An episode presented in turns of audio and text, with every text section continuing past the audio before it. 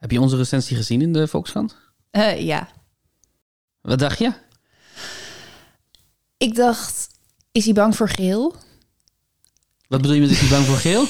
Voor de podcast geel Nee. van Michiel. Nee, ik had eh, vlak nadat ik de recensie las, zag ik een, eh, een stukje op passief-agressief van iemand die een Google review had achtergelaten van één ster en daaronder in caps lock schreef. Ik, dit is een positieve review. Ik heb gewoon een hekel aan geel. Ik geef altijd maar één ster. Check.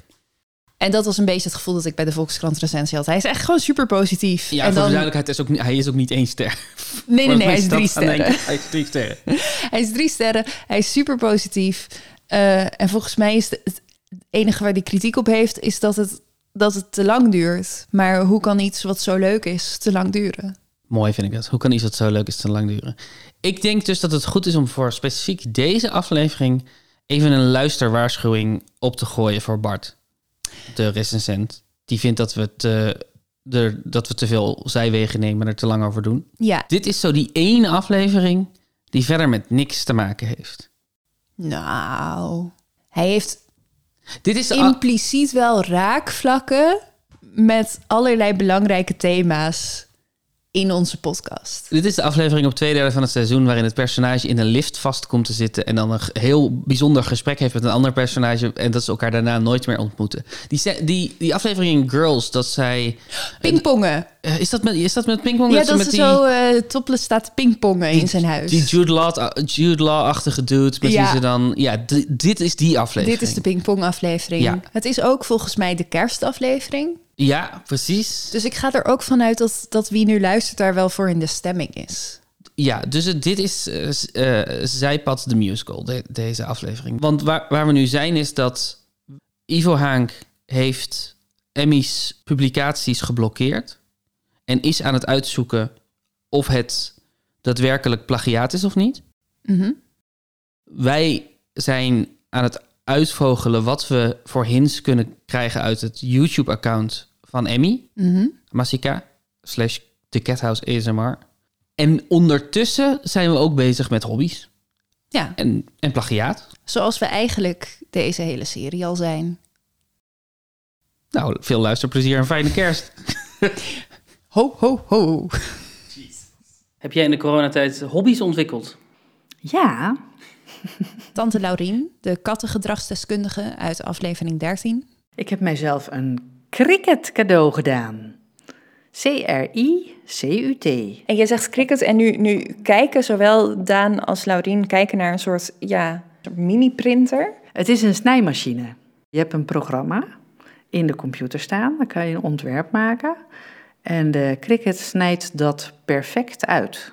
Maar uit wat? Uit papier? Uit papier, vinyl, stof, creppapier, eh, karton, hout, kan ook. Misschien is mijn vraag vooral, wat is de hobby? Want dit is de machine en wat hij allemaal kan, maar wat, wat doe jij daarmee? Kaarten maken en onderzetters en eh, decoratieve objecten. Wil je ze wat laten zien? Oh, daar komt een verzameling. Oh, dit is ook echt fantastisch. Een soort 3D-kartonnen kaart. Mijn vriend had net een nieuwe heup. Hippie birthday staat erop. tien dagen later jarig, dus dat werd happy birthday. En nou eentje die hij heel leuk vindt. Oh, En deze paasdecoratie. wat is de paasdecoratie? Dit is de paasdecoratie. Ja, maar kun je omschrijven voor de luisteraar wat het is? Het, is een, het doet denken aan een eierdoosje. Van papier. Achterin staan twee eh, eieren waar pootjes uitsteken. Middenin zit een kuiken met een roze strik in. En op de voorgrond zitten ook nog twee eitjes. Als ik denk dat ik iets heb geleerd over mensen en sociale dynamieken de afgelopen twee jaar dat we met deze podcast bezig zijn, dan is het wel dat mensen veranderen als je ze naar hun hobby's vraagt. Mijn enige hobby, Arnon Grunberg. dat is natuurlijk omdat in New York eh, heel lang de restaurants binnen dicht waren, maar buiten open is, dat ik eigenlijk deze hele winter, want ik eet heel vaak in restaurants, ook bij ijzige kou buiten heb gegeten. En dat, eigenlijk is, dat, is, dat, is me dat redelijk goed bevallen. Het is natuurlijk ook wel logisch. Een hobby is iets wat je uit liefde doet. Liefde voor het te doen ervan. Zonder enige andere reden. Zonder nut. Zonder winstoogmerk. Dus als je mensen vraagt wat een hobby is, vraag je ook een beetje waar ze van houden. En als het echt heel koud is, dan wordt bijvoorbeeld een, ja, je zit om een warmtelamp of je hebt een, een dekentje. Alleen het bestek wordt echt ijskoud. Dus soms is het gewoon ook handig om met handschoenen aan te eten. Maar eigenlijk is het heel goed te doen. Wel een wit tafellaken. En dan één, of een kruikje. Soms krijg je een kruikje. Of, ja, ik vond dat, dat vond ik eigenlijk wel een, een winstpunt aan de pandemie in, in New York. Nu zijn ze binnen weer open. Ik, zou- ik denk dat ik dat zelfs dat ik het zou missen als ik niet meer buiten de vrieskou zou kunnen eten af en toe. Zuurdees brood bakken. Gini, de neuropsycholoog. Zuurdees en bakken, dat is, eh, dat is een beetje het cliché van de pandemie. Ja, nee, ik heb niet echt nieuwe... Ja, oh, ik heb er wel... Ik, ja, oké, ik eh, moet toegeven, ik heb de zuurdesemfase heb ik ook gehad. Yes. Jessie, de Sims-vlogger. Eh zuur Jason. Zuur Jason was mijn starter, maar na drie pogingen heb ik dat toch ook maar weer opgegeven. Ik had een moestuin in de zomer. Een moestuin? Mhm. maar die heb je nu nog steeds dan, toch? Of? Nee, het was in bakken. Gitaar leren spelen. Ehm, ik heb eindeloos A Star is Born gespeeld. Ik was dus ook het onderwijs ingegaan om ehm, minder achter de computer te zitten. ja, dat is mislukt in dit jaar. Ehm, dus ik- toen ik thuis kwam te zitten voor werk, was ik wel op zoek naar iets waar ik mijn, eh, ja, misschien wel mijn hoofd mee rustig kon maken. Dus waar Ja. ik minder mee in mijn hoofd zou zitten en juist uit mijn hoofd. Nee, dus ik heb een eh, intense relatie met Ron. En dat is dus een man van in de 50 die de hele dag op, op, op eh, video dit soort dingen in elkaar zit te knutselen. En dan zegt hij, please take care, it should be flush. Dat, dat zegt hij het meest. Wat is flush? Dat als je twee lagen papier op elkaar plakt, dat ze recht op elkaar zijn. Zodat de lijnen doorlopen. Ja. Maar die zit dus de hele dag dit soort dingen in elkaar te knutselen. Als ik goed begrijp, jij, jij stopt dat ontwerp in de Cricut. Ik stop dat ontwerp in de computer. Ja. En de computer is, dus- heeft een verbinding met de Cricut. Ja. En dan leg ik papier in de Cricut. En dan gaat de Cricut dit allemaal zo uitsnijden. Maar ook allemaal los. Dus bijvoorbeeld die wangetjes van kuiken, die, die vallen er los uit en die moet jij dan erop plakken. Ja. Dat is eigenlijk, wat dan jouw hobby is, is mijn minst favoriete deel van het knutselen. Dat is namelijk lijmen. Dat vind ik echt verschrikkelijk. Oké, ja. Nou, dat kan. En dan krijg je allemaal aan je vingers en dan plakken je vingers aan elkaar vast. En uiteindelijk zitten er overal sporen over de tafel. Ja, daarom heb ik ook een knutselplaat ding. Nee, ik heb geen hobby's. Echt niet? Ik, zit, ik moet echt heel erg hard nadenken. Ik zit te denken, Lisa Weda, bestseller-auteur. Ik heb jou in ieder geval, maar misschien heb ik niet opgelet, maar dit jaar voor het eerst in een moestuin gezien. Ja, dat was een kortstondig moment van verstandsverbijstering. Ik ben alweer uit de tuin gestapt. Dat klinkt wel als een lockdown-hobby. een kortstondig moment van verstandsverbijstering. Klopt. Eh, ja, de moestuin was wel... eh, maar dat stond denk ik anders ook al op de planning. Dus dat telt niet echt. Nee, dat telt dan niet. Ik heb een tijdje muffins gebakken. En ehm, ik kan nu heel goed merengue maken. Wat is het geheim van een goede merengue? Heel veel kloppen. Ik ga altijd best vaak sporten, maar ik heb wel de groep nodig om het te doen. En dat heb ik ontzettend gemist. En dat ben ik toen via de computer gaan doen, maar dat werkte van geen kant. Jacomine, de taalkundige die we voor de aflevering over Rowena Royaal spraken. Maar ik heb een beetje mezelf piano leren spelen in die tijd. Me door ehm, eenvoudige boeken heen worstelen. Wat ik erg leuk vind, maar geen enkele pianist vindt dat leuk, is dat ik me totaal niet met de vingerzetting bezig hou. Ik heb jarenlang viool gespeeld en altijd met die vingerzetting bezig. Ieder stuk, van ja, die een vierde vinger, en dan moet je die positie en die positie en toch maar weer terug en zo.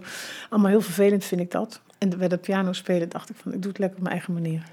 Want het wordt toch nooit wat, dus het geeft niet. Jentel, heb jij in de coronacrisis nog nieuwe hobby's opgedaan? Mm, ja, ik ben gaan hardlopen. Dat was een hele goede hobby. Ik moest gelijk denken aan je, aan je t-shirt Oh ja. drukbedrijf. ja, ja, ja, maar ik hou heel erg van merchandise maken. Ik weet niet of dat komt door de coronatijd. Je houdt heel erg van merchandise maken? Het was allemaal zo deprimerend, weet je wel. Dan hadden we weer een persconferentie waarin Hugo de Jonge zei... eh, geen versoepelingen. Mhm. Dus toen heb ik dat op een shirt laten drukken om mezelf op te vrolijken. Dus je hebt Hugo de Jonge merch gemaakt? Ja, een beetje. Alleen voor mij en Nicky. Eh, Oké. Ik heb het niet verkocht, maar ik heb toen nog wel de hele tijd een soort van kleine pitches zitten doen van kunnen we dit niet op een mondkapje? Of, ehm, En, en, en, of dit op een pet. en overweeg je nog om hier iets mee te doen? Met je merchandise hobby? Nee, ik vind het gewoon leuk om merchandise te maken voor vrienden van kleine momenten in ons leven. Ja, want je doet hier echt wel meer mee inderdaad. Je hebt mij ook een mok gegeven voor mijn boek. Ja, Dat is ook absoluut merchandise. Ik heb een mok gekregen waarop staat voor de leukste belastingambtenaar. Ja, maar ik denk heel vaak als mensen iets zeggen van... ah, dat zou ook leuk zijn voor op een trui. Mijn belangrijkste corona-hobby is denk ik eh, sushi eten met een glaasje sake erbij in de auto op de pier in Amuiden. Paulien Loerts, de directeur van Single Uitgeverijen. Dat is mijn corona-hobby. Fantastisch. Is, ik weet niet of eten een hobby is, maar het was wel heel genoeglijk. Eten is sowieso een hobby. Wat ik ook in corona ben begonnen, is had ik een naaimachine had gekocht. Dus ik had die uh, kangaroo gemaakt. Oh, heel leuk. Oh, en weet je wat ik ook nog... Uh, uh, dat, dat heet geen Lego, maar... Niks. Nee? Duplo? Meccano? Nee, nee. Oh. Loop even mee. Oh, dat vind jij ook leuk. Jekka. Jekka. Jekka. Kijk, deze is bijna klaar. heb ik leuk in elkaar gejekkaat. Wauw. Maar waarom is dat geen Lego dan? Dat is toch gewoon Lego? Nee, is geen Lego. Maar waarom niet? Ja. Het grootste verschil is dat je dit met schroefjes vast moet zetten. Zie je dat? Oh mijn god. Ja. Oh jeetje. Ja. En deze, dit is dus uh, Mineco... Mineco, Neko dinges. Het is zo'n uh, zo'n blije kat. De Lucky Cat? Oh, ja. ja. de Lucky Cat. Mane en in de vensterbank... Maneki Neko, sorry. Maneki Neko, vensterbank, do. Oh, wauw. Ja, toch? Hele kat in elkaar gezet. Ook. Ja. Maar moet je, want het is ook bijna gewoon ter grootte van een echte kat. Nee, dat is zielig als hij zo klein is. Ja, een tienerkatje. maar het is wel een flinke kat. Voor de luisteraars hebben we het wel voor de 40 centimeter. Ja. Ja. Ja, leuk hè?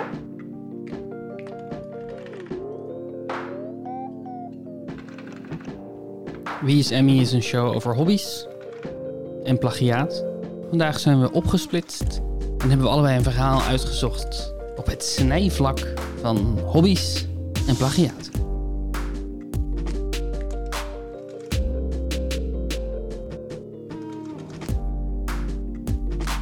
Had jij niet dat je dacht, oh, dat is, dat is wel een beetje simpel gemaakt? Of dat, dat, dat stelt niet veel voor? Ik vind het dus nu een beetje gênant dat ik dat niet had.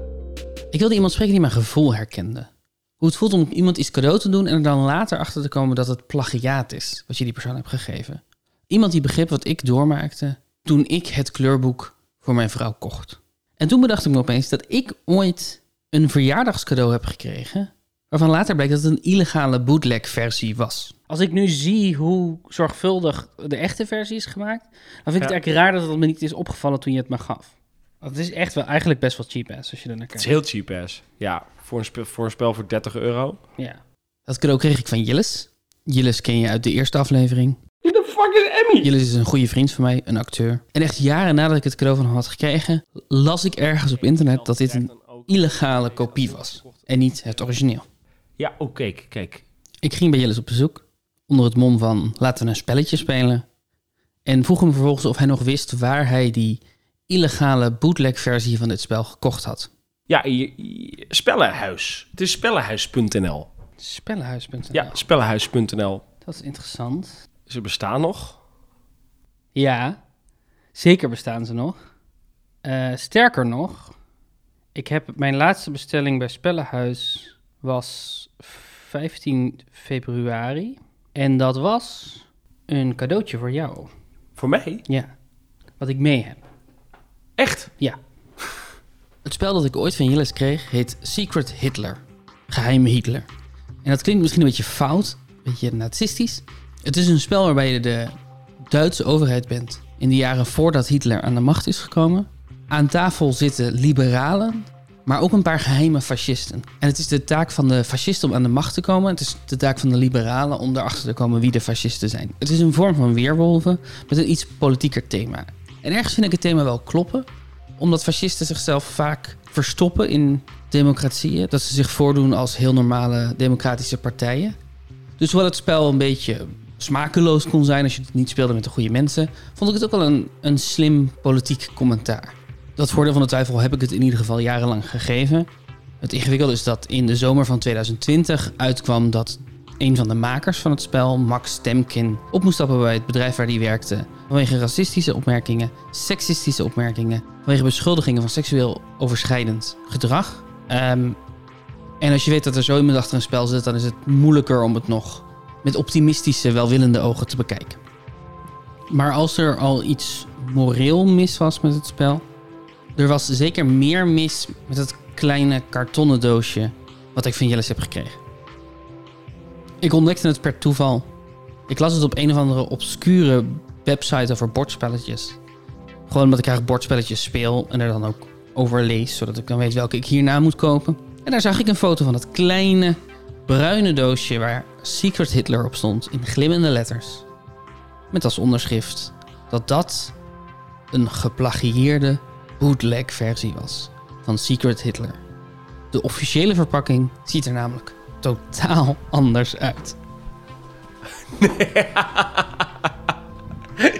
Yes. En die versie deed ik nu op mijn beurt weer cadeau aan. Wauw. Wat een ontzettende coole verpakking. Wat is dit vet. Het is Secret Hitler. De echte. De echte, ja. De echte versie. Als we ze nu naast elkaar houden, het, het, het bruine doosje en de full color oranje verpakking. Ja, nu is het wel duidelijk dat je echt genaaid bent. Toch? ja. ja. Dit is echt totaal anders. Dat is een ontzettend mooie doos. Ook veel groter, veel zwaarder. Op de officiële doos zie je aan de, aan de zijkant staan voor hoeveel spelers het is, hoe lang het duurt om het te spelen, ehm, hoe oud je moet... Nou, al die standaard dingen die aan de zijkant Ja. van, een, van een game doos staat. Op dit kartonnen doosje niks. Helemaal niks. Nee. Maar we moeten ze even bij, naast elkaar openen. Open. Ja, we moeten even ruimte maken. Even bij allebei de deksel ervan af. Dit komen we bij het, ja, het, het- bij het bord. Dit, laten we daar beginnen, want die ligt ook bovenop. Eh, dit is zeg maar de, de goedkope versie. Is een stukje plastic. Ja, wel full color uitgeprint. Full color. Geplastificeerd. En ziet er oké uit. Ja. Ik had niet verwacht dat dit nep zou zijn, toch? Oh, dit is... Oh, wacht even. Dit is de, de uitleg. Sorry. de- ja, Ik dacht wacht, dat dit het bord al was. Ah, ja. ja. Nee, daar zit wel verschil in. Dit is echt een soort van heel luxe karton met soort van ingelegde zilveren randjes en goud. En dat heeft relief. Dit, dit, dit, is, dit is iets anders. Dan, Dit is dan- chic, toch? Dit is Wat chic. je- wat ja, je dit is heel chic. Oh, dit is ook veel mooier. Want je hebt, dus iemand is de president en iemand is de, de, de eh, chancellor of chancellor. En da- daarvoor heb je, die moet, er komen een soort van bordjes op de, Mhm. op het, eh, op de tafel. En die zijn in de goedkope versie twee stukjes plastic. Ja, weer dubbel gevouwen. eh, van dat eh eh, placemat plastic. Ja, en in de, de, de deluxe, de echte versie, zijn ze van hout. Ja, dat is prachtig. Ehm, ik moet toch even zo'n kaartje openmaken om de, de kaarten te inspecteren. Ah, ik baal wel dat ik toch nooit een mailtje heb gestuurd van... Hoe, hoe kan het dat jullie mij een, een, een counterfeit spel hebben verkocht? En dan heb je nog de policy kaarten. Of zijn die... Oh, dat, die policy kaartjes zijn hier helemaal van hout gemaakt. Ja, dat is ook wel een groot verschil, want dat is hier ook gewoon Oh, zo'n dat is ook standaard gewoon- speelkaart. Ja. Kaart. Jeetje, bedankt voor het spel. Alsjeblieft. het verschil tussen de nepversie en de officiële versie was best wel groot. Dit kan je over tien jaar nog steeds spelen. En ik vraag me bij die versie, als je dat vaak zou doen, Ja, eh, echt, echt een beetje af. even, dit is de, dit is de goede. Moeten ze niet door elkaar halen. Die horen bij jou. Wat cool, wat een coole doos. Wat is het? Toch, dit is toch wel echt veel toffer. Ja. Het maakt toch uit, hè? Ja, het maakt wel het echt spel- uit. Voor het spel. Ja. Ah, Maar eigenlijk moet ik het nu aan jou geven. Nee, nee, nee, nee. Deze is voor jou. Oké. Piraterij is een misdrijf. Je steelt geen auto, je steelt geen tasjes, je steelt geen tv. En zo is illegaal films downloaden of illegale muziek downloaden of weet ik veel, een boek, een e-book downloaden. Dat is allemaal ook verboden. Maar ik had nog nooit gehoord van piraterij in bordspellen. Volgens het stuk wat ik las op een site die dicebreaker.com heet, zijn valse bordspellen in Amerika al best een groot probleem. Ik vroeg me af hoe dat hier was. Dus ik mailde iemand die in Nederland bordspelletjes uitgaf. Hallo. Hallo. Aangenaam. Aangenaam, ja. Ja, ik ben Marjolein. Ik ben Daan. Kan je mij goed horen? Marjolein Lubberman is CEO van Asmodee Nederland. Gelukkig, mooi zo. Zit je in Helmond? Eh, ja, ik ben nou eh, op dit moment in, eh, op kantoor, dus ik zit, ik zit in, eh, in Helmond. Ja. ja. Perfect. Ja. Ik, heb, ik heb familie in Helmond. Oh, echt? Oké. Oh. Ik ben ook helemaal geen onderzoeksjournalist. Dit soort... Ik niet, bedoel, gewoon niet alle vragen gaan scherp zijn. Het kunnen niet allemaal winnaars zijn. Ik vertelde Marjolein over mijn ervaring met Jillis... en hoe we het fake bordspel naast het origineel hadden gelegd. Toen viel mijn mond wel open. Toen dacht ik, echt, het verschil is heel erg groot. Ja. En, Ja. eh, voelde ik me bijna een beetje naïef dat ik niet had gezien hoe, hoe slecht eigenlijk de uitgave was waar wij mee gespeeld hebben. Op zich wel logisch, maar het komt gewoon omdat je het niet weet. Nee. Je komt er op een gegeven moment achter dat je in één keer denkt van... hé, hey, verrek, het is, ben, ik ben gewoon letterlijk genept. Ja.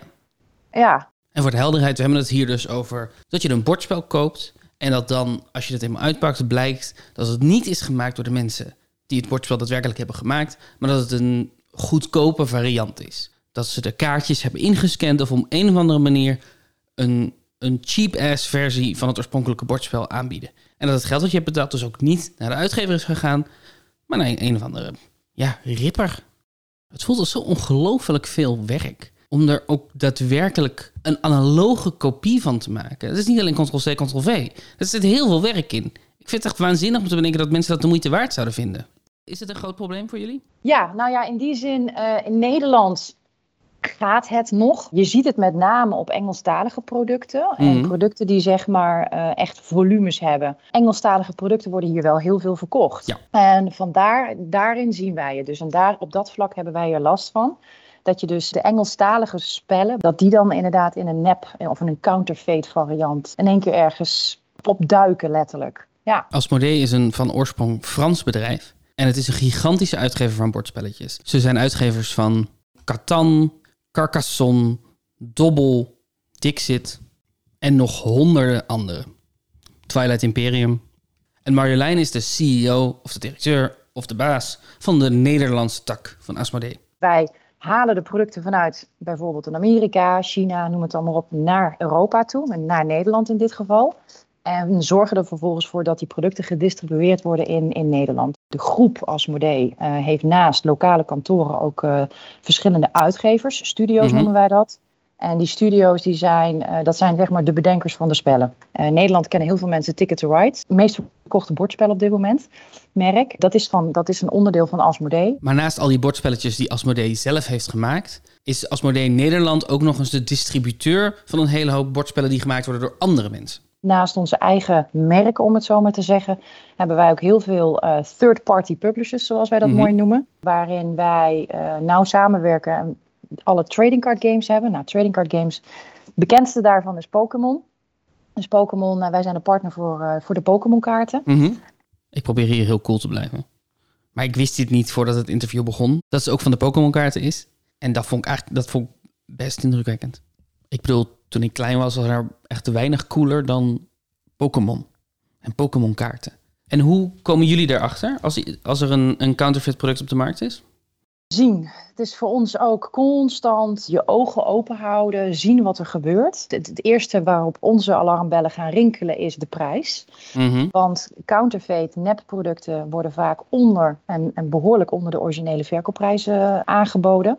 En vervolgens kunnen wij het ook zien aan hoe het product bijvoorbeeld aangeboden wordt. Counterfeit wordt voornamelijk verkocht online. Mhm. In Nederland hebben wij het meest last van eh, Wish en van AliExpress. Ja, en dan zie je vaak de prijs. En dan als je kijkt naar voor ons de content, dus de productafbeeldingen, logo, eh, kleur, dat soort zaken, dan zien wij vaak al van, oh, dit is, dit is nep.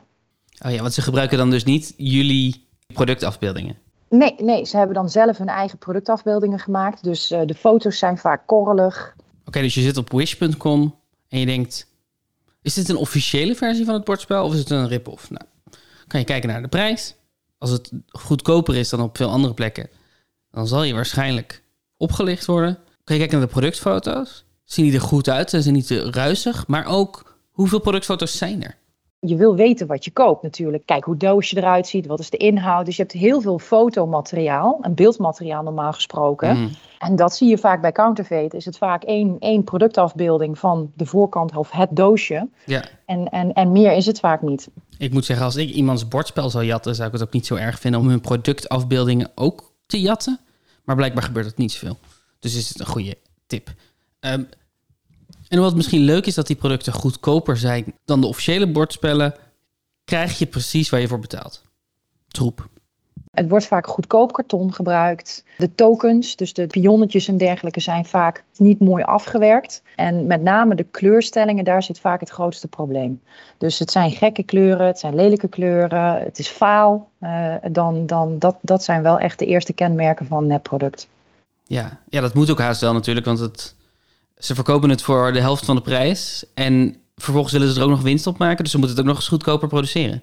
Dat is het. Er worden gewoon goedkope materialen gebruikt. Ja. En dat is de reden waarom het goedkoop is. Uh, buiten het feit dat het uh, niet uh, aan de richtlijnen voldoet. Hè. Er, er, er zitten geen C, ze kunnen er wel een CE-keurmerk op zetten. Maar dat, dat, dat, dat betekent nu natuurlijk niks, want er zijn totaal geen testrapporten. CE-keurmerk heb je vast al eens gezien. Het staat bijna overal op. Het is een C'tje en een E'tje achter elkaar. En dat betekent dat ze voldoen aan wettelijke eisen binnen de EU. Um, er is in 2020, ik had dat nog even snel nagekeken, hebben wij uh, Toy Industry of Europe is hier ook heel erg bezig. Zijn er uh, aankopen gedaan van speelgoed op AliExpress en op Wish. En dan schrik je 100% fake. Dus dat zijn gewoon nepproducten geweest. Het zijn producten die geen, testen, uh, geen testrapporten hebben. 50% van die items was zelfs onveilig voor kinderen. Wauw. Dat is, dat is shocking. Wat betekent onveilig voor kinderen in zo'n context? Dat er gevaarlijke stoffen zijn gebruikt. Dan praat je over loodhoudende verfsoorten bijvoorbeeld. Ja. Maar ook inderdaad uh, weekmakers. Letterlijk gevaarlijk als, als een kind dat te veel binnenkrijgt. Als in de zin van je gaat erop sabbelen. Ja. Dat het gewoon uh, kan inhouden dat je, dat je onvruchtbaar zou worden. Ticket to Ride is een mooi spel, maar het is het niet waard om onvruchtbaar van te worden. Nee, zeker weten niet. Nee, absoluut niet. Niks. Nee. Ik vroeg Marjolein wat de spellen zijn waarbij dit het meest voorkomt. Exploding Kittens mm -hmm. is een van onze merken. Daar hebben wij het heel veel gezien. Een van de, van de bijkomstigheden is natuurlijk dat uh, doordat niet de echte kleuren gebruikt zijn, wat je heel veel met spellen ziet, is dat je een expansie kan kopen, een uitbreidingsset. Nou, je voelt hem al aankomen. Jouw nep Exploding Kittens kaartjes die zijn waalrood, terwijl de echte Exploding Kittens kaarten gewoon knalrood zijn ja, als je die, die in één dekje wil gaan gebruiken, die uitbreidingskaarten, dan zie je natuurlijk meteen welke kaarten je hebt. Dus ja. niet compatible. Uh, Dobbel, daar zien wij het ook heel veel bij, is ook een van onze eigen merken. Uh, en uh, daarin komen ook de meest vreemde varianten in Europa, met name via Wish en AliExpress moet ik zeggen. Ja. ja. Op verkoopsites met een betere reputatie komt dit soort dingen minder veel voor, maar ontstaan er wel weer andere problemen. Een Amazon bijvoorbeeld, uh, daar is het probleem heel anders. Want bij een Amazon is het zo dat de merkeigenaar vaak het product plaatst op Amazon. Dus zij zorgen voor de teksten en de informatievoorziening van het product. En het probleem met een Amazon, en daarom is het via Amazon nog moeilijker om vaak te zien, is iedereen kan vervolgens eigenlijk met dezelfde EAN-code zijn producten koppelen aan de content van de merkeigenaar. Dus in dat geval denk jij, hé, hey, ik heb het echte, want ik zie alle productinformatie inderdaad zoals het zou moeten zijn. Alleen wordt het dan niet door bijvoorbeeld Amazon zelf verkocht of door een, ja, zeg maar even gerenommeerde winkel, mm -hmm. maar door Jantje Pietje uit uh, Verwegistan, om het zo maar te zeggen. Dit is een beetje uh, abstract, maar ik vond het wel interessant. Op de website van Amazon vind je niet alleen de producten van Amazon zelf, maar je kan een eigen winkel beginnen op Amazon.com. Dan log je daarin en dan zeg je: Ik verkoop vanaf nu het boek Gifjes van Daan Windhorst. En in plaats van dat al die resultaten van al die mensen die het boek Gifjes van Daan Windhorst allemaal los van elkaar op Amazon verschijnen, worden die allemaal gegroepeerd onder één naam. En de officiële informatie wordt dan door de merkeigenaar gegeven. Dus weet ik veel, de tekst op de achterflap of zo wordt door de uitgever aangeleverd. Maar als jij een valse versie van Gifjes van Daan Windhorst verkoopt en je kondigt hem aan als een niet valse versie van Gifjes van Daan Windhorst, dan heeft de klant daar dus nog minder zicht op. Is dat logisch? Zo gauw we iets zien, dan ondernemen wij daar actie op. Um, we hebben um, Wish en AliExpress zijn natuurlijk internationale organisaties. Daar is het echt wel een stukje moeilijker. Uh, daarin hebben we een centraal team vanuit ons hoofdkantoor op zitten. Echt een juridische afdeling die alleen maar met counterfeit producten is, bezig is. Uh, ga je wat meer naar lokaal kijken, bij een bol.com. Bol.com is ook een platformverkoper. Als jij in principe een KVK-nummer hebt, een BTW-nummer, mag jij via bol.com verkopen. Nou, het geluk wat we zien in Nederland is bol.com is zelf heel erg proactief op dit, op dit vlak. Ze hebben daar okay. zelf echt een afdeling op zitten. Op het moment dat zij iets zelf niet vertrouwen, uh, dan nemen ze contact op met de, met de originele leverancier. En vragen ze ook van, hey, kun je dit alsjeblieft even controleren? En, en gebeuren er dan op dat moment ook uh, ja, uh, trap purchases, oftewel aankopen om uh, te, te zien, klopt het inderdaad? En ja, daarin hebben wij ook samen met bol.com in dit geval meerdere partijen inderdaad kunnen onderscheppen en van het platform af, kunnen halen. Heb je enig idee wie, wie hierachter zit en wie zijn, wie zijn deze, deze vervalsters? Nou, eh, moeilijk. Eh, Heel moeilijk. Het is, het, het is China, het, er, daar staan zo ontzettend veel fabrieken. Ja. Dat, dat is ook heel erg belangrijk. Hè? En, en, en als je gaat produceren, eh, produceer echt bij diegene waar je gewoon duidelijkheid hebt over hoe het productieproces loopt, contracten, et cetera. Als dat niet, niet in orde is, dan kan het zomaar zijn dat het via de achterdeur eh, dezelfde productie gedaan wordt, meer geproduceerd wordt en bij wijze van via de achterdeur eh, nog, nog een keer opnieuw verkocht gaat worden. Vond ik nogal een plotwist eigenlijk. Het, het idee dat de mensen die illegale versies van het product verkopen op Amazon of Wish of AliExpress, dat dat misschien wel de producenten zijn die ook het daadwerkelijke legale bordspel hebben gemaakt, maar nu gewoon voor minder geld ook een, eh, ook een kopie verkopen. The call is coming from inside the house. Ja, je moet, en dat is heel, best, wel, best wel jammer, maar je moet eigenlijk tegenwoordig best wel een beetje achterdochtig zijn. Eh, en voorzichtig zijn met wie je je ideeën deelt eh, of eh, je content deelt. Omdat hoe, hoe meer en hoe breder je het wegzet en beschikbaar maakt voor anderen, ja, hoe meer misbruik er gemaakt wordt van, van, van jouw idee. Ja. Oké, dus dat zijn de negatieve consequenties van deze hele illegale bordspelletjeshandel. Er worden slechte producten afgeleverd, die in het ergste geval zelfs giftig kunnen zijn. Hoewel ik niet denk dat heel veel mensen op hun bordspellen sabbelen, maar theoretisch. En de maker van het bordspel wordt niet betaald.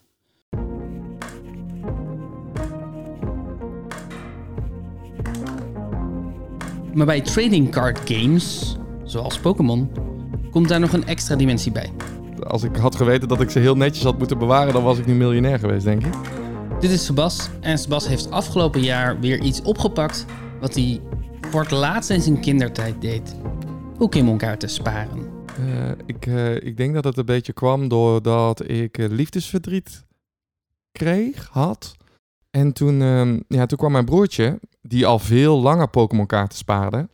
En die, eh, die heeft mij een beetje meegenomen in, eh, in de madness. Sommigen vinden het gewoon leuk om ze te verzamelen. Anderen noemen het de nieuwe bitcoin en proberen met die ene kaart honderdduizenden euro's te verdienen. Wat wel een, een motorisch moment was, was dat eh, het 25 jaar geleden is dat Pokémon uit is gekomen. Dus eh, de Celebration pakket kwam uit. En dat triggerde mij wel, want dat daar waren de oude kaarten. Daar hebben ze een remake van gemaakt. En dat vond ik wel leuk.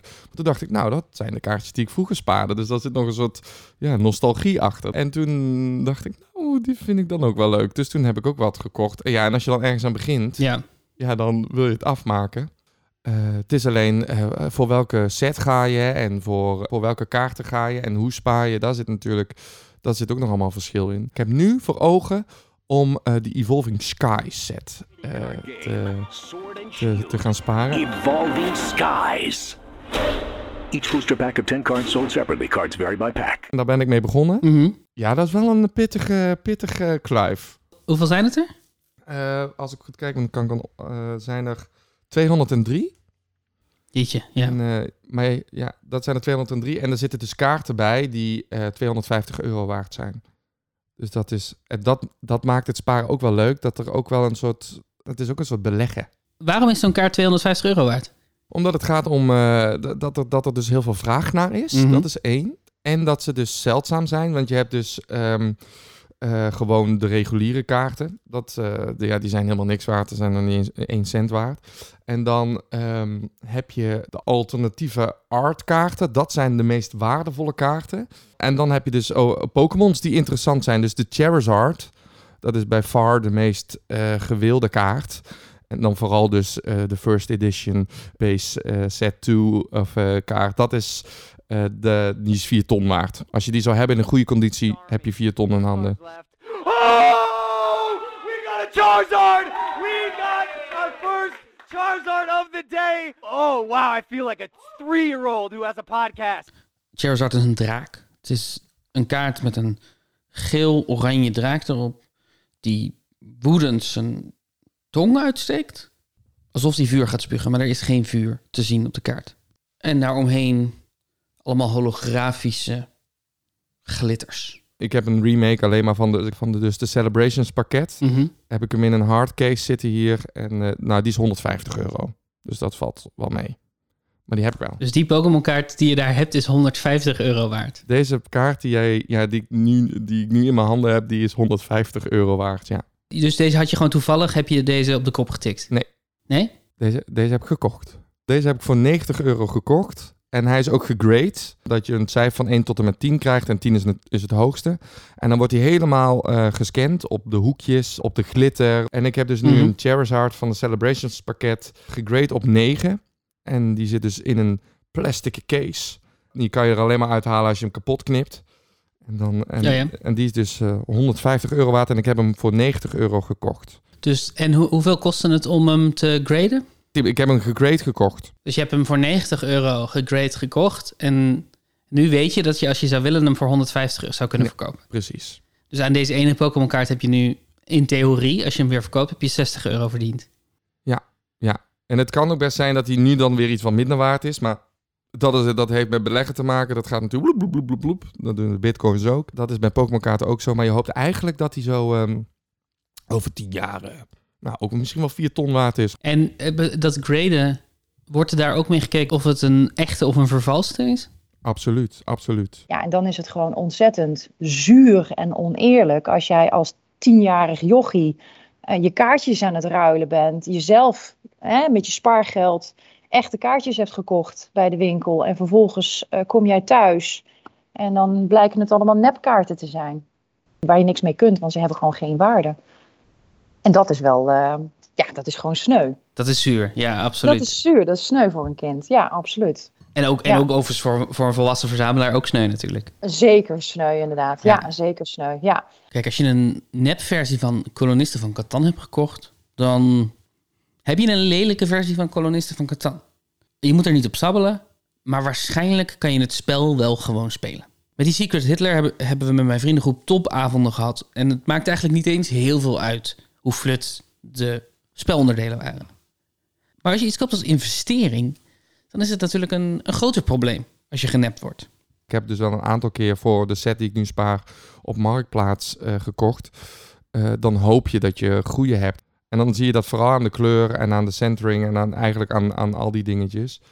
Zie je dat het klopt. En heb je via Marktplaats iets gekocht waarvan je later dacht, misschien is het wel niet, niet echt? Nee, nog niet. In ieder geval, of ik ben er nog niet achter gekomen. Ik ben nog niet zo'n kenner dat ik het precies zie. De beste manier om zeker te weten dat je geen neppe Pokémon kaarten koopt, vertelt Sebas mij, is door gewoon je Pokémon kaarten te kopen bij een Intertoys. Of een stripboekenwinkel. Of een gamewinkel. Gewoon een serieuze winkel.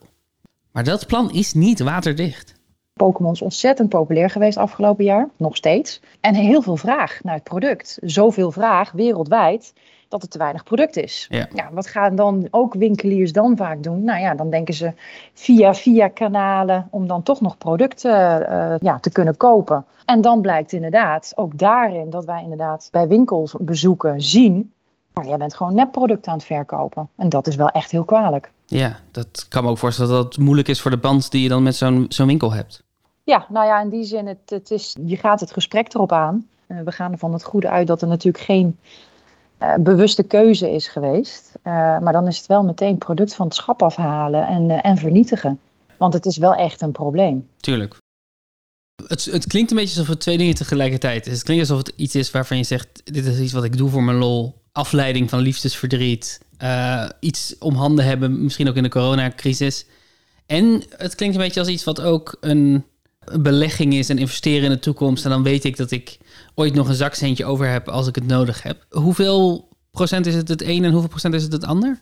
Voor mij is het vooral eh, eh, de, de nostalgie. Mhm. Het, eh, de, de zingeving, het onmogelijke mogelijk proberen te maken... doordat deze set helemaal compleet te maken. Nou, ook wel... ehm, ook, ook, ook, ook het contact met mijn broertje, als in dit verbond ons vroeger. Door dit weer op te pakken, is onze band ook veel beter geworden. We spreken die taal van Oh ja. vroeger weer, dus dat zit er ook in. Maar voor mijn broertje zit vooral het beleggen erin. Die heeft wel, denk ik, als je die kaarten bij elkaar optelt, toch wel al eh, bijna 3000 euro aan waarde van kaarten. Ja. Maar heeft, heeft hij daar ook bijna 3000 euro aan betaald om die kaarten te hebben? Nee, dat zeker. Nee, ik denk als je het overall, dat ik denk ik wel zo 50-50 is. Maar ja, het is, het is ook gokken. Je koopt een booster pack of een, he- een zo'n hele doos met 36 van die boosters Ja. eh, zakjes erin. En dan hoop je, dan hoop je maar dat je die, die Charizard hebt. Of, of in mijn, ik moet voor mijn set moet ik een Umbreon hebben. Een alternative art Umbreon. En die is 250 euro. En als je die dan hebt, ja, dan, dan ben je een lucky bastard. En dan, eh, dan, ja, dan, dan haal je eigenlijk al bijna heel je set eruit. En het is ook dat unboxen, dat oeh, hopen. En de kennis ervoor hebben van welke kaarten je moet hebben. En je die dan trekt. Dat stofje wat dan vrijkomt is ook vrij verslavend. Dan spring ik wel een, een, een, een, een, een, een rondje in de lucht hoor, als ik een goede kaart heb gepakt. Heb je voor jezelf afgesproken, ik koop maximaal zoveel booster packs per maand? Ehm, ik heb nu de afspraak dat we, dat we deze set gaan sparen. En dat ga ik dan samen met mijn broertje doen. Hier kan je heel veel geld aan uitgeven en dan heb je hem. Maar het gaat er natuurlijk om dat je dat op een goede, slimme manier doet. En ik heb denk ik nu voor deze set drie dozen gekocht. En dan zit je dus al op de 360 euro, denk ik zo. Ja, daarin hebben we afgesproken dat mijn broertje dus dat ook gaat doen. En Mhm. dan hopen we eigenlijk dat we alle kaarten gaan hebben. En anders moeten we het dus gaan eh, kopen. Maar dan nog zit er ook de lol in. En weet je ook, ah, misschien maken we verlies. Maar dan hebben we dit wel voor elkaar gekregen. En dan heb je weer een paar dagen van je leven gewoon eh, gevuld met... eh, En hoeveel kaarten zitten er in zo'n doos? Er zitten er tien in, in zo'n zakje. En als je zo'n Mhm. zo'n booster box, da- da- daar zitten er 36 in. Dus 360 kaarten. Ja. En die moet je natuurlijk ook op een goede prijs kopen. De, die, de, ene site is, zijn ze heel duur en de andere wat goedkoper. Dus je moet ook goed denken, ah ja. Dus eh, even kijken hoor. Dus je hebt dan nu drie keer 360 kaarten gekocht? Ja, ik heb dus heel veel dubbele. Ik heb heel veel dubbele kaarten. Ja, je hebt meer dan 1000 kaarten gekocht. Ja. En, en je broer ook. Dus dan heb je 2000 kaarten gekocht om, er, om een set van 200. En drie, ja. Ja. En je zegt, eh, je weet dat ze hun waarde vasthouden. Hoe zeker weet je dat? Nou ja, dat, dat, dat, dat weet je niet eigenlijk. Je hoopt het. Maar het is dan, als ik dan met mijn broertje in de winkel sta en we gaan eh, weer een, eh, een doos kopen. En we zien dan kinderen die ook naar, die, naar dat schap lopen en zeggen: Papa, mama, ik wil ook deze kaarten. Toen tikte mijn broertje me aan en zei: Kijk, dit is goed. Want als die dadelijk net zo oud zijn als ons, gaan ze er dus ook zo heel veel geld aan uitgeven. En dan zijn onze kaarten veel meer waard. Hopelijk blijft het eh, tijdloos. En eh, nou ja, het is natuurlijk een gok. Het is natuurlijk een gok, maar ja, het, ja, maar goed, het is ook een beetje, het, het, eh, en ehm, dat leer ik ook steeds meer, ook het, het kind in jezelf meer vrijheid geven. En ook daarin, daar ook achter staan en daar een beetje lol in hebben. De ene die, die, die gooit het misschien in drank en drugs. en ik, ik, ik doe het in kaartjes. Een van mijn lievelingsspelletjes gaat over het bestrijden van een pandemie. Je speelt met elkaar, niet tegen elkaar. Het bord is een kaart van de aarde en je ziet hoe virussen overschieten, hoe de ene stad de ander besmet. Hoe epidemieën plotseling uitbreken. Mijn vrouw en ik spelen het standaard met onze vrienden Rieneke en Annette. En het was best vreemd om in de begindagen van de pandemie het woord pandemie in mijn agenda te zien staan, iedere 2,5 week. Marjolein is ook de uitgever van Pandemie. Is, heeft het iets positiefs gedaan voor de verkoop van het bordspel Pandemic? Of hadden mensen er juist geen zin meer in? Ja, juist heel veel. Echt waar? Ja, ja, ja, ja, ja, ja. We hebben Pandemic, eh, we hebben bewust eh, natuurlijk het promotie, marketing, technisch hebben Pandemic even gewoon laten liggen. Omdat het natuurlijk wel eh, ook heel erg zeer kan doen. Alleen, ja, Pandemic bestaat natuurlijk al heel erg lang. En eh, ja, het, het- we hebben echt eh, gigantische groei op Pandemic gehad, ja. Sowieso heeft de coronapandemie Asmodee niet per se windeieren gelegd. Bordspellen hebben het gewoon ontzettend goed verkocht. Dus de groei ook in de organisatie is eh, de afgelopen twee jaar gigantisch geweest. Ja. Wat, ik, wat ik leuk vind, en eh, hè, ik bedoel, we, we- natuurlijk alle bewustzijn is er op dat we geluk hebben gehad. En dat er natuurlijk ook een hele grote andere keerzijde zit aan, aan, aan corona. Wat ik wel heel erg leuk vind, is dat eh, we hebben gewoon wel heel veel, ehm, ja, toch wel plezier en vertier bij mensen thuis kunnen brengen. Ik heb het wel gemist in de pandemie, dit soort spelletjes spelen. Ja, ik ook. Dit soort spe- eh, spelletjes van die partygames, wat ik heel leuk vind om te spelen. Dat je met acht mensen om een tafel zit en dan dingen naar elkaar aan het schreeuwen bent en aan Ja. het wijzen en weet ik veel wat. Ja. Die chaos van zo'n spelletjesavond, Ja. dat mis ik heel erg. Ja. Dat heb ik veel te lang niet gedaan. Heb je al een, weer een grote spelletjesavond gepland staan? Nog niet? Maar we gaan vanavond misschien een spelletje spelen. We gaan vanavond nog een Dat spelletje zei je. Ja, ja, zeker, zeker. zeker. Secret Hitler Maar kan volgens mij niet met z'n We drieën. zijn net met te weinig Secret Hitler. ja.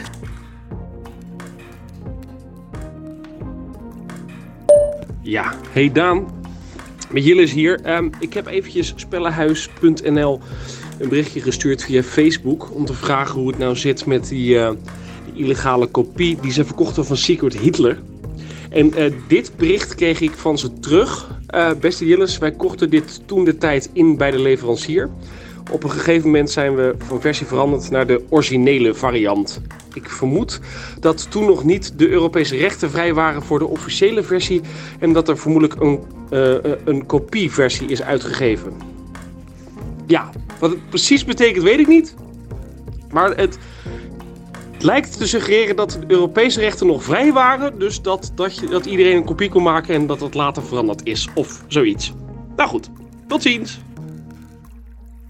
In de zomer van 2020 zag ik een advertentie voorbij komen. Misschien op Facebook of zo.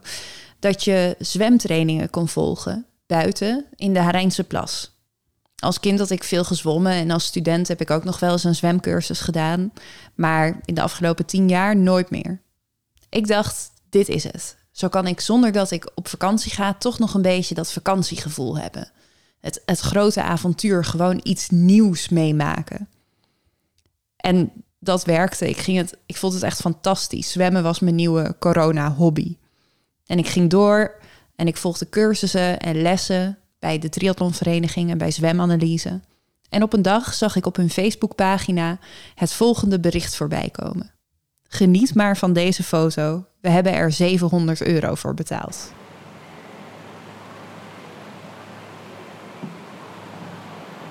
Hey. Goedemorgen. Goedemorgen. Ben je er klaar voor? Of moet je nog even wat dingen doen? Ik eh, denk dat ik er wel klaar voor ben. Oké. We horen intussen wat, eh, wat geluid van... eh, ja, hoe heet het eigenlijk? Dit is een, eh, een zwembadlijn. En ik ben in het zwembad om met René te praten. Mijn naam is René Miltenburg. Ik ben mede-eigenaar van Zwemanalyse. Wij zijn een bedrijf dat trainingen organiseert in heel Nederland en daarnaast uitgebreid eh, artikelen produceert, e-books schrijft, diverse zomerevenementen organiseert en zichzelf dus regelmatig in een zwembad bevindt. Want ik zwem ook wel eens met jullie mee, zo weet ik van dit verhaal. Dus ik heb bij jullie training gevolgd en inderdaad ook in de zomer zo tochtjes over de Maarseveense Plas. Ehm, dus jullie zijn eigenlijk, ja, jullie zijn een bedrijf, maar het, het voelt ook altijd wel als een. Het is geen groot bedrijf, het is een klein gezellig bedrijf. Ja, wij zijn een, een klein bedrijf. We zijn geen grote multinational waar het eh, geld werkelijk met bakken tegen de plinten aanklotst. Nee, het zijn drie mensen die een bedrijf runnen en nog wat ZZP'ers. Jullie hebben een site en daar staan allemaal verhalen op. Ehm, en bij die verhalen staan foto's. En dat is al heel lang zo. En nu kregen jullie ineens bericht. Ja, plotseling eh, viel er een geautomatiseerd bericht bij ons op de mat. Met de mededeling eh, dat wij een foto op de website hebben staan waar wij rechten over hadden moeten afdragen. Daar zat vervolgens een eh, gelijke factuur bij. Vrij stevig. Het was gewoon een foto van een startblok. En uh, startblok uit het jaar Kruik ook nog eens een keer. Het jaar Kruik, dat wist ik dus niet. Dat betekent dat iets super oud is. Maar een startblok, voor de mensen die dat niet weten, zijn van die grote uh, afzettorentjes in het zwembad. Er staan altijd nummers op, vaak 1 tot en met 6. Soms 1 tot en met 8 als je acht banen hebt. Het, het kwam van een bedrijf waarvan wij zeiden, geen idee wie dat zijn. Permission Machine, ik had er tot dusver nooit voor gehoord. Even snel googelen leerde al heel snel dat we lang de eerste niet waren. En dat een hoop mensen vergelijkbare ervaringen hebben. En er werd uh, eigenlijk klakkeloos gevraagd of dat we ruim 300 euro wilden afdragen voor het gebruik van een foto die we al geruime tijd op onze website hadden staan en die in, op zijn eigen manier niet eens zo heel erg bijzonder was. Het klonk een beetje alsof we echt een zware overtreding, uh, zware overtreding waren begaan, terwijl wij in eerste instantie dachten, waar gaat dit over? Dat wordt eigenlijk pas gaandeweg het bericht duidelijk van, oh, het gaat om die foto bij dat bericht. Dus ja, we hadden iets van, oh, hebben we dat gedaan? Oh, ja, oeps. Dat was een beetje onze reactie. Zo van, nou ja, maar om dan gelijk uh, met, met een vrij dreigend bericht om meer dan 300 euro te gaan vragen, dat ging ons wat ver. Ja, dus ze vonden het onrechtvaardig en ze waren denk ik ook gewoon erg geschrokken. Startblokken zie je overal. Het is een beetje alsof je een foto van een zebrapad neemt. Het is in een zwembad zo'n ontzettend normale verschijning. Het is geen heel bijzonder object. En wij snappen dat wanneer iemand zijn werk doet, dat hij daar absoluut voor beloond mag worden. En uh, dat had in dit geval ook moeten gebeuren. Wat er nu wel gebeurd is, is in onze, in onze optiek is dat buitensporig. Er zat een eh, specificatie bij ook. Er zat ook nog vrij stevige dossierkosten bij van degene die de foto zogenaamd gevonden zou hebben. Nou ja, dat gebeurt allemaal geautomatiseerd. Ik denk niet dat je daar een dusdanig bedrag voor moet vragen. Eh, zeker niet als je iets automatisch, eh, automatiseert. Want wat gebeurt er dan geautomatiseerd? Wat wij gezien hebben is dat het bedrijf Permission Machine software gebruikt die automatisch websites scant op eh, foto's die uit uh, ANP beeldbank komen. Uh, vervolgens checkt of er rechten afgedragen zijn over die foto's. En is dat niet het geval, dan wordt er meteen een geautomatiseerd bericht de deur uitgedaan. Moet je je voorstellen, je runt een klein bedrijfje in zwemtrainingen. Je gooit daar je ziel en je zaligheid in. Je maakt niet superveel winst. En ineens krijg je een e-mail van een computerprogramma dat 300 euro van jou wil voor een foto van basically een zebrapad. Het grootste gedeelte van de foto's die wij gebruiken, die maken we zelf. Of die worden door, uh, op een evenement gemaakt dat wij organiseren. Daar huren we een fotograaf in. Die wordt ook voor zijn werk betaald en er wordt een afspraak meegemaakt. Dus het is grotendeels echt eigen content. Foto's waarvan we zeker weten dat wij dan wel de rechthebbende zijn, dan wel toestemming hebben om die foto's te gebruiken. Waardoor dit soort zaken dus niet meer uh, op, op zo'n manier boven water komen. En ja, in een grijs verleden is er dus een keer iets misgegaan. Waarschijnlijk omdat we gewoon even geen plaatje hadden. Dat is uh, ja, heel zuur. Ze wilden het er niet zomaar bij laten zitten. Wat we zeiden is van oké, we we, we hebben iets gedaan wat niet mag. We hebben een foto gebruikt en we hebben de maker daar niet voor beloond. En dat is terecht dat we, daar, uh, dat we daarvoor moeten betalen. We hebben vervolgens de betalingsspecificatie gepakt die bij het bericht zat. En gezegd van nou, oké, een fotograaf zou voor zo'n foto een x-bedrag moeten krijgen.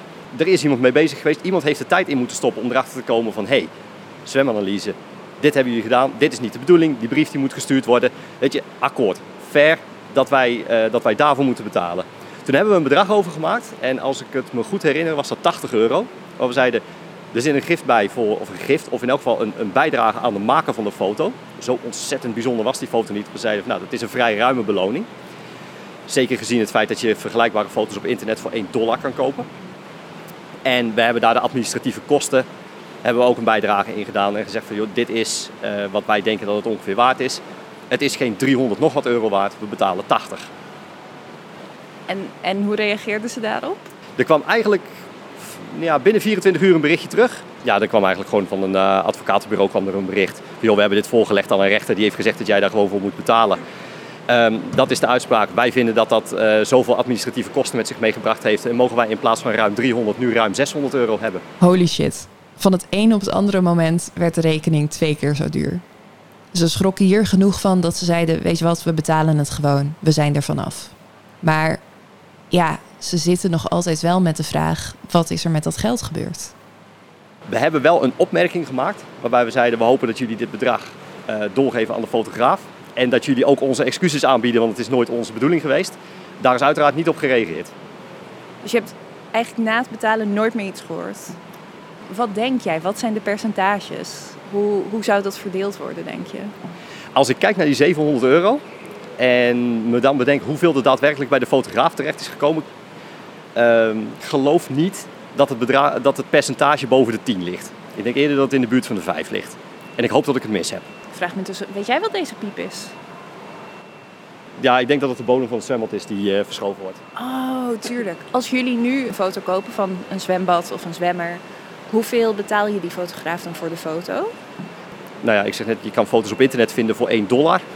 En je kan foto's van een fotograaf kopen voor uh, een euro of 20, 25. Hmm.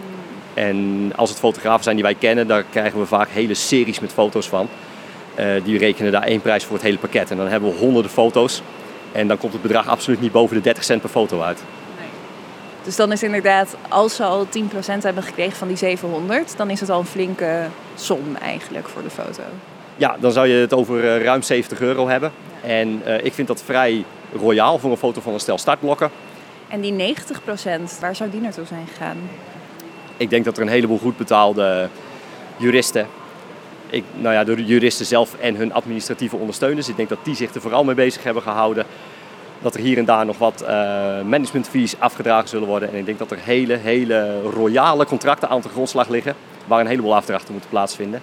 En dat het geld grotendeels daar naartoe gegaan is. Maar ik kan niet anders dan me voorstellen dat er uh, een paar honderd euro in uh, de zakken van iemand terecht is gekomen die helemaal niks met die foto te maken heeft.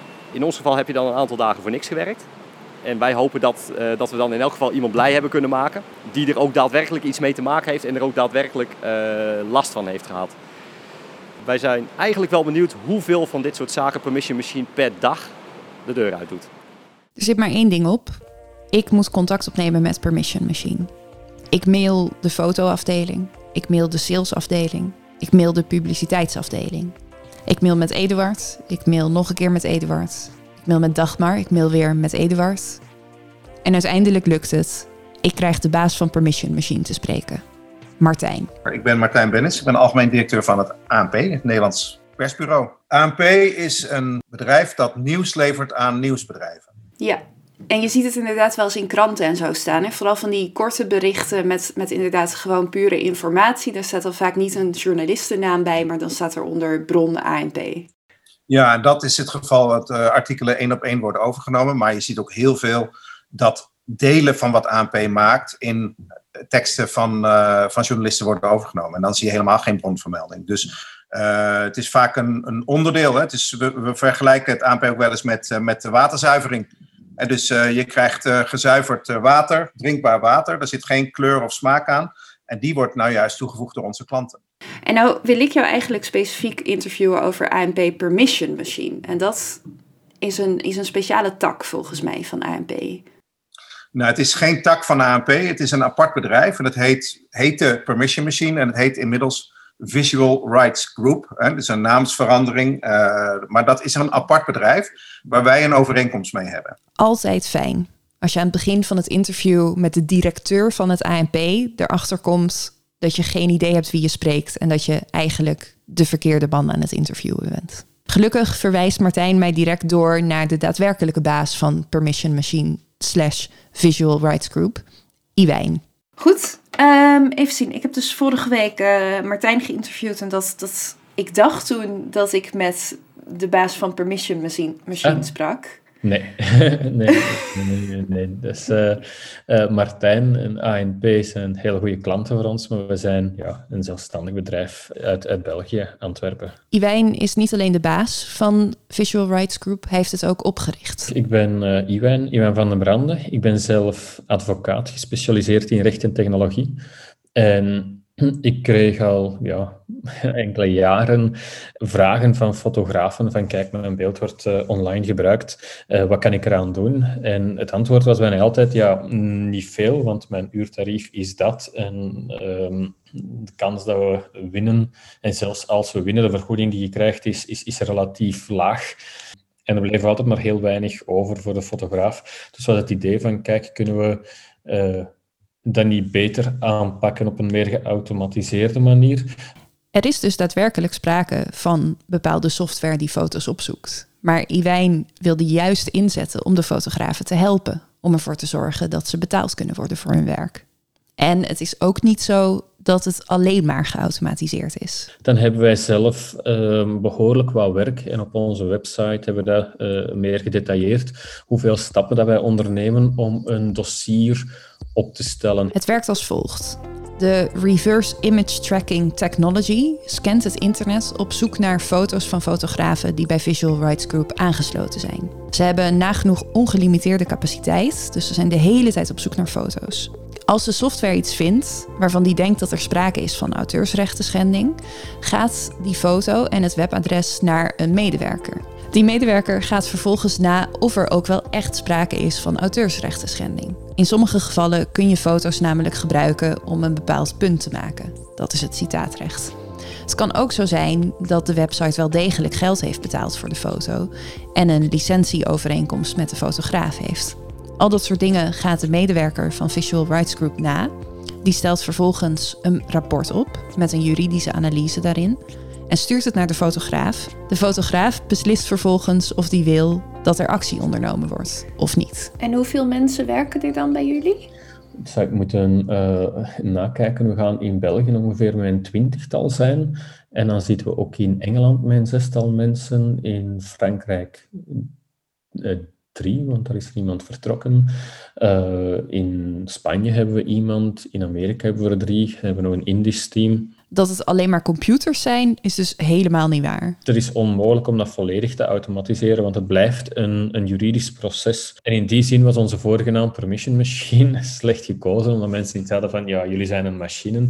Nee, wij zijn helemaal geen, geen, geen machine. Het dekte niet alleen de lading niet, maar het kwam ook verkeerd over. Mensen hadden zo van, jullie zijn een machine, jullie doen dat automatisch. Want zo ben ik inderdaad ook, nou ja, eerst bij ANP terechtgekomen en nu dan bij jou. Uh, want ik zwem in zijn vereniging. En die op de uh, blog een fotograaf van Startblog, zo'n uh, die mensen hebben. Um, en dat was en van regel ja, 300 euro. En een van de, uh, een van de dingen waar erg van dat. Terwijl er duidelijk gewoon software is die die foto's opzoekt.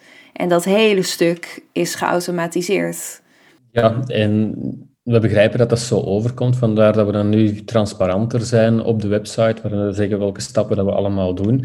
De, de software die helpt, maar het vaststellen, het vergelijken is wel degelijk een, een, een manueel werk. Het uh, nakijken of de foto verkocht is, is een manueel werk. Juridische analyse is een manueel werk. Wanneer we gebeld worden of, of we antwoorden mails, dan, dan zijn het onze mensen die, die antwoorden en, en geen robot. Dus er zit wel degelijk heel veel mensenarbeid achter. Ja. En hoeveel foto's worden er eigenlijk bijvoorbeeld per dag of per week of zo door jullie opgespeurd? Ja, dat is, dat is, dat is heel moeilijk om uh, te zeggen. Maar ja, heb je een idee van hoeveel dat er dan misschien Hoeveel geslaagde dossiers heb je per, per week of per maand of per dag? Ik weet niet in hoeverre. Um, ja, dat is nu iets wat we meestal niet, uh, we niet uh, publiek gaan, maar dat zijn een aantal tientallen per week. Hè.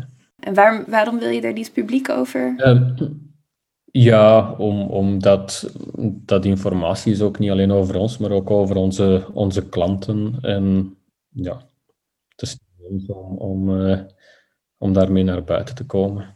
Ja, snap ik. Goed, enkele tientallen. Laten we zeggen 30. 30 dossiers per week. Um, dus dat is dan 30 keer 300 is 9000. Dat had ik op zich uit mijn hoofd kunnen berekenen. Maar goed, uh, enkele tientallen kan natuurlijk ook zijn 90 als je het een beetje naar beneden wil houden. Dus dan hebben we 90 dossiers per week keer 300 is 27.000. Dus tussen de 9.000 en 27.000 euro per week. Hoeveel klanten hebben jullie eigenlijk?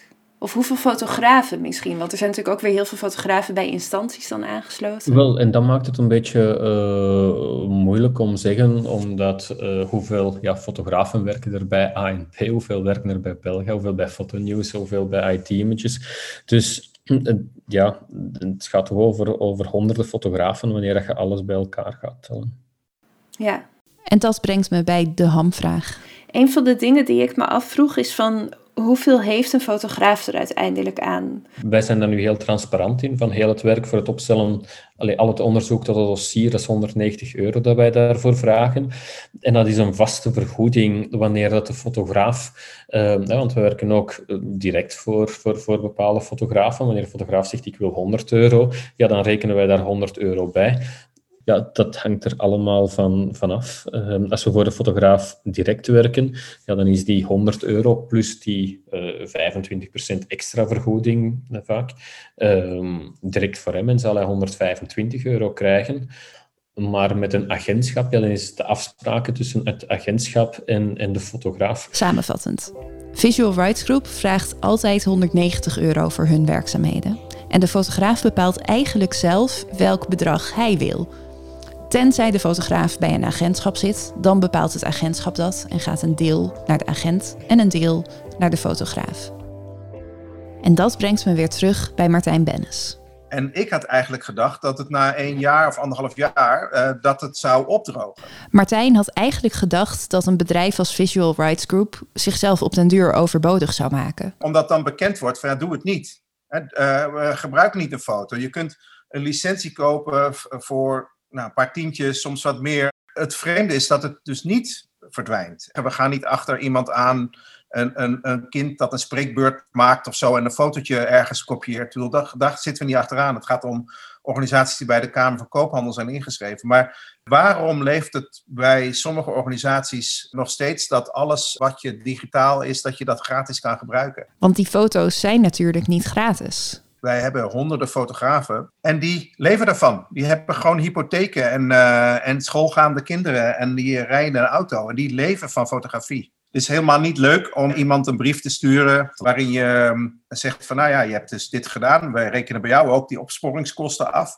Uh, en daardoor moet je nu uh, 300 euro of 400 euro betalen, waar je normaal gesproken met uh, misschien 100 euro klaar was geweest of zoiets. Hè. Dus dat is helemaal niet leuk. We krijgen natuurlijk ook negatieve reacties op. Maar, maar nog steeds vraag ik me af van ja, waarom denk je dus dat je al die foto's gewoon gratis kan gebruiken? Waarom? Ja, waarom? In het begin leefde ik eigenlijk totaal mee met René en de zwemclub en de belachelijk hoge kosten die ze voorgeschoteld kregen. Maar nadat ik met Iwijn had gebeld, begreep ik al wat meer dat die kosten helemaal niet zo heel hoog waren. Maar mijn concrete vraag bleef staan. Hoeveel gaat er nou eigenlijk naar de fotograaf? Wij delen elke euro die wij verdienen met foto's, eh, delen we door twee. In dit geval zou dus 55, in dit rekenvoorbeeld, uh, dat zou de, dus het, uh, het deel zijn voor de fotograaf.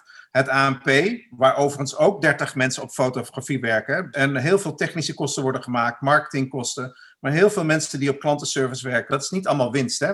Dat is bijna geen winst, kan ik je zeggen. Dus die 55 euro voor het ANP, voor ons apparaat, 55 voor de fotograaf en 190 in dit rekenvoorbeeld voor de opsporing.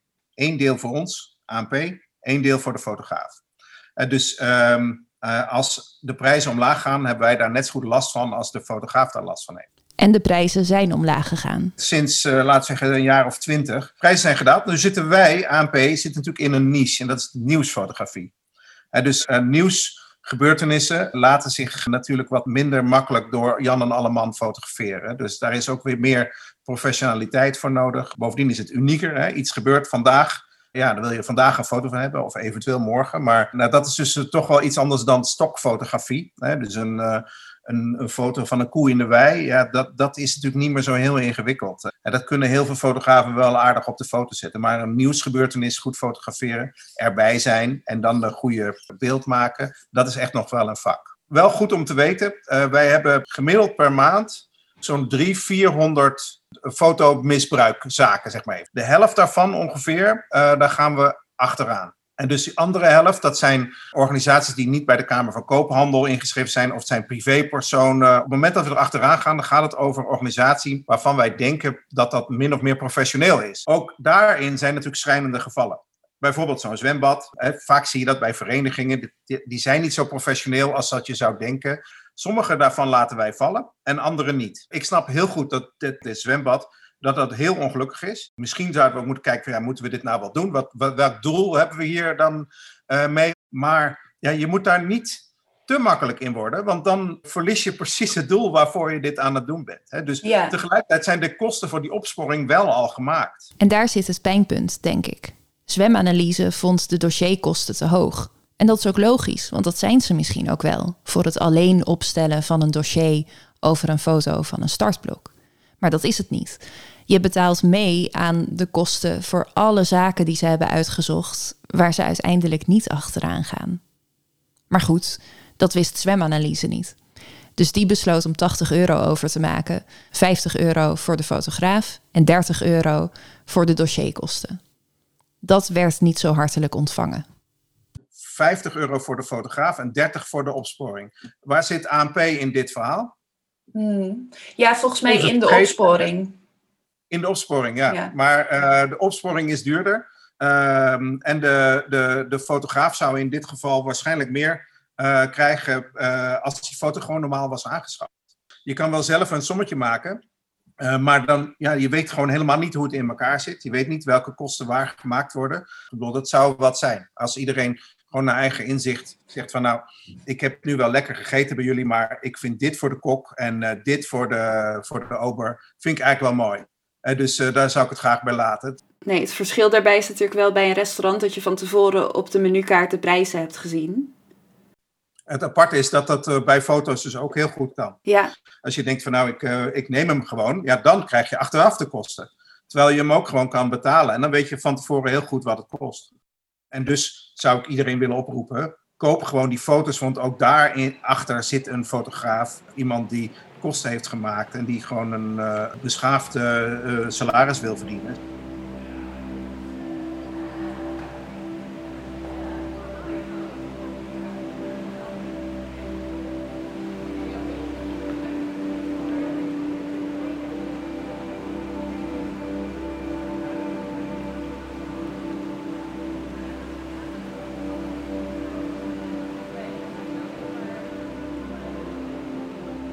Hebben jullie eigenlijk zelf ook ooit zoiets meegemaakt? We hebben niet meegemaakt dat iets één op één direct van ons is gekopieerd. Wat we wel hebben gezien, is dat in een enkel geval iemand iets is gaan aanbieden op het internet. En dat lijkt heel erg op wat wij doen. De teksten die op de website geschreven worden, die gebruiken terminologie die wij ook gebruiken. De opbouw van de zinnen lijkt heel erg op die van ons. Het is niet onze tekst, hij is herschreven. Maar de hele geest waarin het geschreven is, uh, kan bijna niet anders dan dat het bij ons vandaan komt. En het trainingsschema wat erbij hoort, vermoeden we ook dat het uh, gekopieerd is. Je kan niks bewijzen op dat front. Maar het is wel wrang wanneer je een product ziet dat exact hetzelfde is als dat van jou. Maar wat ook nog eens een keer uh, in dezelfde geest aangeboden wordt. En, en wat hebben jullie daarmee gedaan? Het is, we zien het niet direct als een concurrent. Het heeft te maken met een programma wat wij vrij uitgebreid aanbieden, waarin we de grootste in Nederland zijn. Dat in combinatie met het feit dat wij vermoeden dat als we er stampij over gaan maken, dat er wordt gezegd, dit is helemaal niet van jou. Die kans is zeer wel aanwezig. Maakt dat wij denken dat we er niet daadwerkelijk een vorm van genoegdoening uithalen. Dus we gaan daar geen, uh, geen hele grote uh, kwestie van maken. Maar klakloos iets kopiëren en doen alsof het van jou is, ja, dat, uh, ik ga deze podcast ook niet kopiëren. nee, precies. Gewoon niet netjes, doe je gewoon niet. Nee. nee. nee, wat iemand maakt, dan moet hij voor beloond kunnen worden.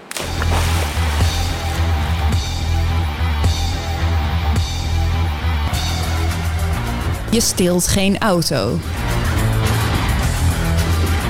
Je steelt geen tasjes. Je steelt geen podcast. Dus je steelt ook geen zwemtrainingsschema's.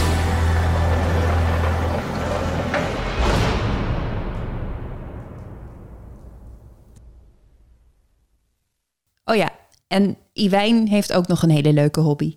Ik heb mijn honden als hobby. Uh, ja, Duitse staande draadhaar. Er is een, een soort jachthond. En uh, mijn, mijn ene, die is op de sukkel geraakt. Die is nu tien, en, maar die, die is aan zijn beide knieën geopereerd. Dus die, Ja, die, die, is echt op zijn weg uit. Dus heb ik een, een tweede, uh, of een nieuwe, een opvolger gekocht. Maar helaas is ook mijn mama overleden en die had ook een hondje, dus die is er ook komen bij aanwaaien. Dus zet je plots van één hond naar drie honden zonder echt eigenlijk veel aan. Het was nooit de bedoeling. Maar dat is dus bij mij wat er binnen, tijdens corona gebeurd is. Dus uh, ik doe daar graag wedstrijden mee.